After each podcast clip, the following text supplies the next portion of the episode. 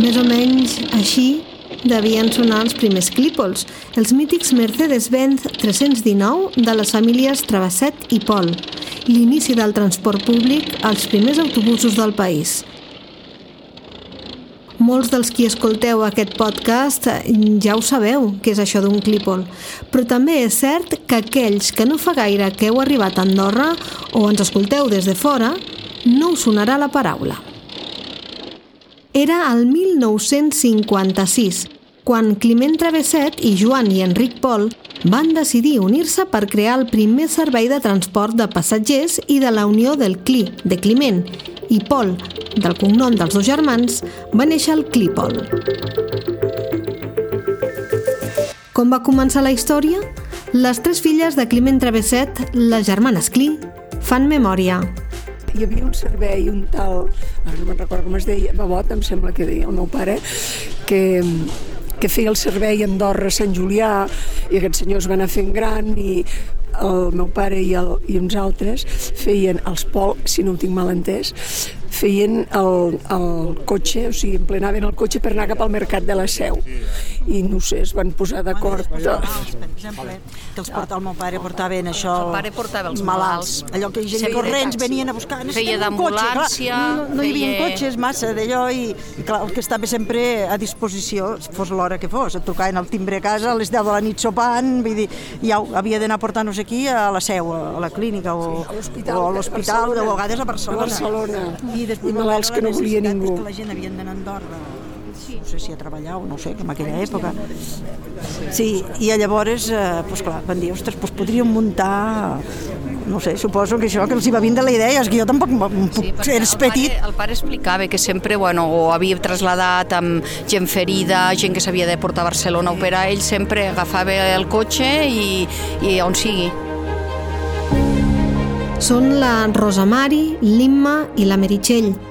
Amb les tres hi vaig parlar a la Massana, el dia que es va signar el conveni per la recuperació del nom Clípol per rotular els autobusos parroquials. Hi va haver un temps a Andorra que els busos no eren busos, eren clípols. Guillem Forner, conseller al Comú de la Massana i fill de l'excap de govern Marc Forner, fa set anys va iniciar el camí perquè el Clípol tornés a ser una realitat a través d'una petició en via change.org. Aquesta iniciativa mm, de cop i volta va començar a rodar moltíssim i moltíssima gent eh, va començar a signar-la i sobretot el que em va fer molta il·lusió va començar a comentar. I llavors tothom va començar a explicar anècdotes. Sí, ostres, jo quan agafava el platillo d'aquí cap allà, tu coneixia aquest xòfer, el clipolero que li dèiem, no sé què, i vaig veure de seguida que, que aquesta iniciativa el que havia fet és despertar un sentiment que, que potser feia molt que, que la gent no hi pensava i hi ha hagut el, i va haver-hi com aquella nostàlgia. I, I bé, la veritat, el tema es va animar moltíssim, fins a tal punt de que el, el Ministeri, em sembla que era Ordenament, que se'n cuidava d'això, o, o, no, no, ara no me'n recordo qui era. Bé, ho portava el, el Jordi Alcover, eh, que fins i tot em va citar perquè el, va agradar molt la proposta i a dins del plec de bases aquestes eh, van incloure el, el, el terme Clípol que l'empresa guanyadora d'aquest servei hauria d'incorporar a tots els autobusos que, que es fiquessin en marxa. Aquest primer intent no va quallar, però quan el Guillem va entrar al Comú de la Massana com a conseller, ho va reactivar, aquest cop per fer-ho possible en el transport públic gestionat pels comuns. Aquesta vegada sí, la iniciativa va tenir èxit. Curiosa és la perseverança del Guillem, que de fet, per edat, no havia conegut els clípols originals. Clar, jo no sóc de la generació clípol, jo sóc de la generació que els nostres pares van viure el clípol. Què significa això? Que a mi, el meu pare, cada dia que em portava a la parada el, per, per, per anar al col·legi Janer, a l'època, em portava a la parada de clípol, i ell es referia com la parada de clípol, i quan tenia algun problema, no sé què, parlava amb el clípolero. És a dir, utilitzava aquesta terminologia i, per tant, per mi, quan, des de que era petit, era la terminologia oficial per mi de, per referir-me a l'autobús. Fins a tal punt, que això és més anecdòtic, quan vaig baixar per primer cop a, a Barcelona a estudiar la, a la carrera allà, el primer dia que vam sortir, que volíem sortir de festa així amb els amics, no sé què, i jo els dic, bueno, que el, el, com ho fem aquí? Anem amb metro o agafem el Clípol? I clar, tothom es va quedar acollonit. I, què, què està dient aquest? Què vol dir això de Clípol? I dic, ah, bueno, perdó, l'autobús, clar, perquè a Andorra li, li, li dèiem així. Les germanes Cli, així s'anomenaven elles mateixes el dia que les vaig conèixer, ja ens han explicat per què va començar l'aventura del Clípol. Qui va viure aquells inicis de ben a prop va ser Jordi Gil, que el 1958 va aterrar a Andorra amb només 16 anys per fer de planxista i el que fes falta. Amb ell vaig quedar en una cafeteria molt concorreguda de Sant Julià. Va venir carregat d'articles de premsa que parlaven d'ell. Sí, sí, vaig arribar, ja veníem a la feina ja que em havien buscat, diguéssim, eh, per anar a treballar al Clípol ja. Bueno, jo vaig pujar amb el cotxe a línia fins a la Seu, i a la Seu em va vindre a buscar el senyor Travesset, el cotxe de línia, i ja vaig arribar aquí, em, va, em van buscar una pensió a dalt les Caldes, i baixava a treballar doncs, amb el Clípol, pujava i baixava amb el Clípol a treballar. Des, després ja vaig trobar una pensió aquí a Sant Julià i em vaig quedar aquí a Sant Julià de, de pensió i treballant al Clípol. Dos anys que havien començat els Clípols, si encara teni, no tenien cap, cap cotxe, diguéssim, com aquests que surten a, les fotos, eren cotxes eh, tipus camioneta, un Peugeot, un Ford Taunus, hi havia un Peugeot que es pujava per la porta darrere, que no hi havia ni porta pel, pel, pel costat del xòfer, Llavors jo li vaig fer un invent i vaig fer una porta que poguessin pujar per davant. Claro, en aquella època t'havies d'espavilar. De planxista, pintor, ho fèiem tot. Jo, jo, el, meu, el meu ofici era que havia tocat sempre, vaig començar molt jove, amb 14 anys treballant de planxista i pintor. I després aquí pues, vam començar a remenar cotxes i fèiem de tot. Bueno, jo el senyor Clements per mi va ser com un pare, perquè clar, jo l'estar sol aquí a Andorra, sense família, sense res, va ser un home que, sempre em va apoyar i bueno, anàvem a, anàvem a menjar junts en fi, em va apoyar molt i va ser com un, com un segon pare. Les germanes Travesset recorden com el seu pare pensava en el benestar dels treballadors amb idees pioneres com aquesta. Van, van fer un edifici per, uh, pels xòfers i contractaven gent, volien que tinguessin una vivenda o sigui que avui en dia serien... Eren, eren innovadors. Innovadors total. Tu no som de I tenien els xòfers allà, el que passa que a poc a poc, aquella a època... Poc, en aquell moment a la gent semblava que se'n anava de menys i no van voler viure allà. Però la idea inicial era de donar una vivenda als que podien treballar allà, tenir pues, l'accés. Llavors els treballadors potser no van voler perquè estarien massa a prop de, dels garatges o se'ls podria demanar.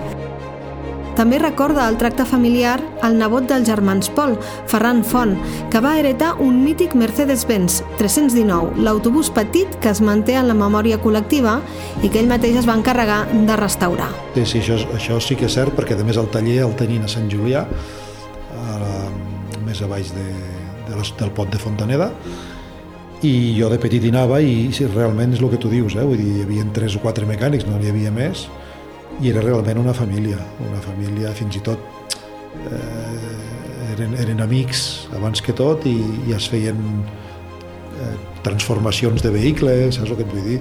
S'allargava un vehicle o se'n feia de, de dos se'n feia un, era una cosa molt, bueno, molt casolana i molt maca. La carrosseria que vaig aprofitar d'aquell accident que hi va haver de les, dels dos cotxes que van, van xocar allà a la curva de Ràdio Andorra, el morro va quedar tot destrossat, jo vaig aprofitar aquest tros d'aquí i, i això de clípol, aquests lletreros també els feia jo.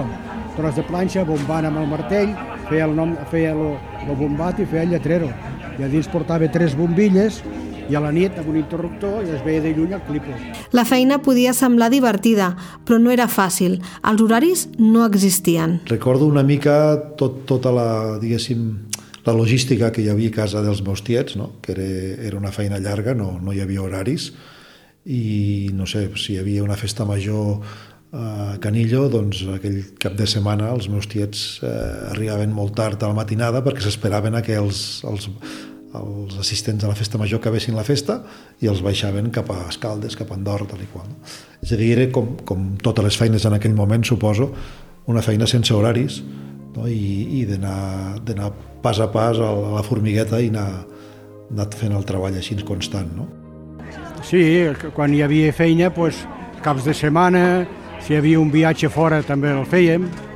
O sigui, amb el, amb el Clemens, quan va l'època aquella que van, arribar, començar, van començar a arribar molts eh, emigrants de la part, del part de l'Andalusia, doncs arribaven les festes de Nadal i no hi havia cotxes, no tenien cotxe per anar a passar les festes amb la família. Llavors llogaven un, un clípol i per anar a, a distribuir per baix per, per Andalusia.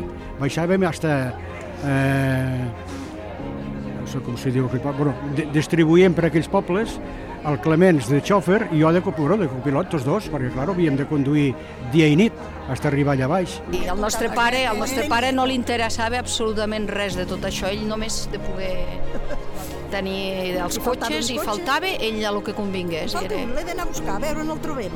A Alemanya, que es comprava en Alemanya, eh? Es comprava en Alemanya, els cotxes. Els vehicles sí, venien d'Alemanya, però atenció perquè no s'acabava aquí l'aventura.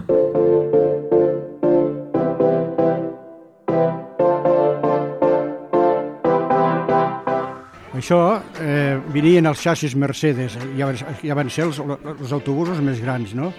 Que portaven, carregaven 20 i pico places. Venien els xassis des d'Alemanya fins a la Tour de Carol, que la Tour de Carol era una gara internacional, i allà fèiem els papers per passar la duana. Arribàvem al pas de la casa, presentàvem els papers i quan arribàvem aquí el matriculàvem. I amb la matrícula d'Andorra, per carretera, anàvem a, a carrossals a Ourense, amb un seient eh, collat a sobre, que es veu a, aquella foto que t'he ensenyat, i amb allò, claro, només podíem córrer durant el dia. A la nit paràvem, ara, ara està totalment prohibit això. No, amb un gorro, jo, en portàvem dos, el senyor Clements portava un casco de moto, jo una gorra, i vinga. Impossible d'imaginar-te això avui en dia, d'haver passar un autobús amb un senyor sobre sense, a més sense cinturó ni res. Clar, perquè anava allà amb el volant, amb uns volants grans, a més, que la imatge jo la tinc també al cap, i dius, mare de Déu. Sí, sí. I amb tot això va arribar la competència i els clípols, durant una època, també es van conèixer com els platillos.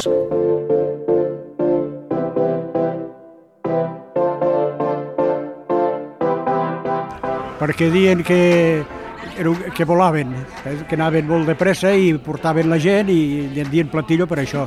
Bueno, perquè hi va haver una època, és veritat, això està de dir, que van anar sorgint també d'altres empreses petites, paral·leles, i, i al final era com una mena de, de competència, aviam qui, qui agafava el, els, els viatgers primer, no?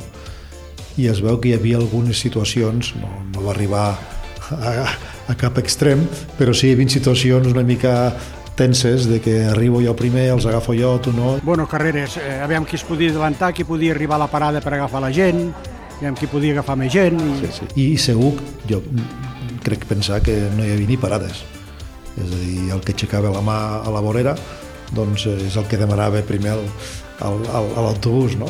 I arrel de tot aquest, aquest petit conflicte va ser també el Consell General que va una mica promoure a que aquestes empreses, que en aquell moment Clipol era la més gran, però n'hi havia també de petites, doncs tot aquest, aquest conjunt o com, conjunt d'empreses s'ajuntessin i creessin la cooperativa.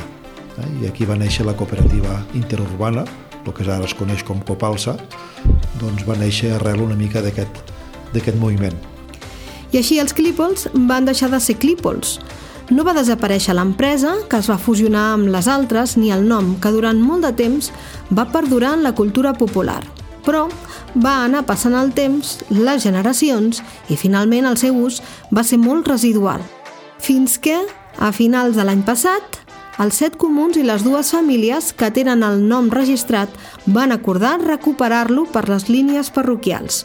Com hem dit al començament, gràcies a la iniciativa i insistència de Guillem Forner, que no descarta que més endavant el projecte creixi. Aquí un cop més, i, i de forma també completament amigable, serà passar-li la pilota al govern de dir, escolta, que els, el, els, els comuns ens hem posat les piles, hem aconseguit aquest consens, ara és feina vostra de poder incorporar això a les, a les línies nacionals. Aquí ja serà un pèl més difícil perquè, clar, com dèiem abans, això eh, ja, ja hi ha una adjudicació feta amb una sèrie de condicions, hauria de ser amb voluntat de l'adjudicatari que, que pogués estar predisposat a poder incorporar aquesta, aquesta vinilació. I per què no podem ficar estació nacional de Clípols, per exemple?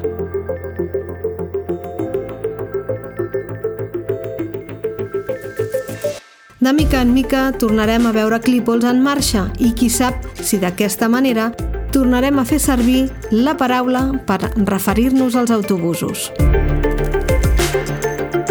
Això ha estat l'Altaveu a fons. Aquest episodi l'ha realitzat qui us parla, Esther Pons.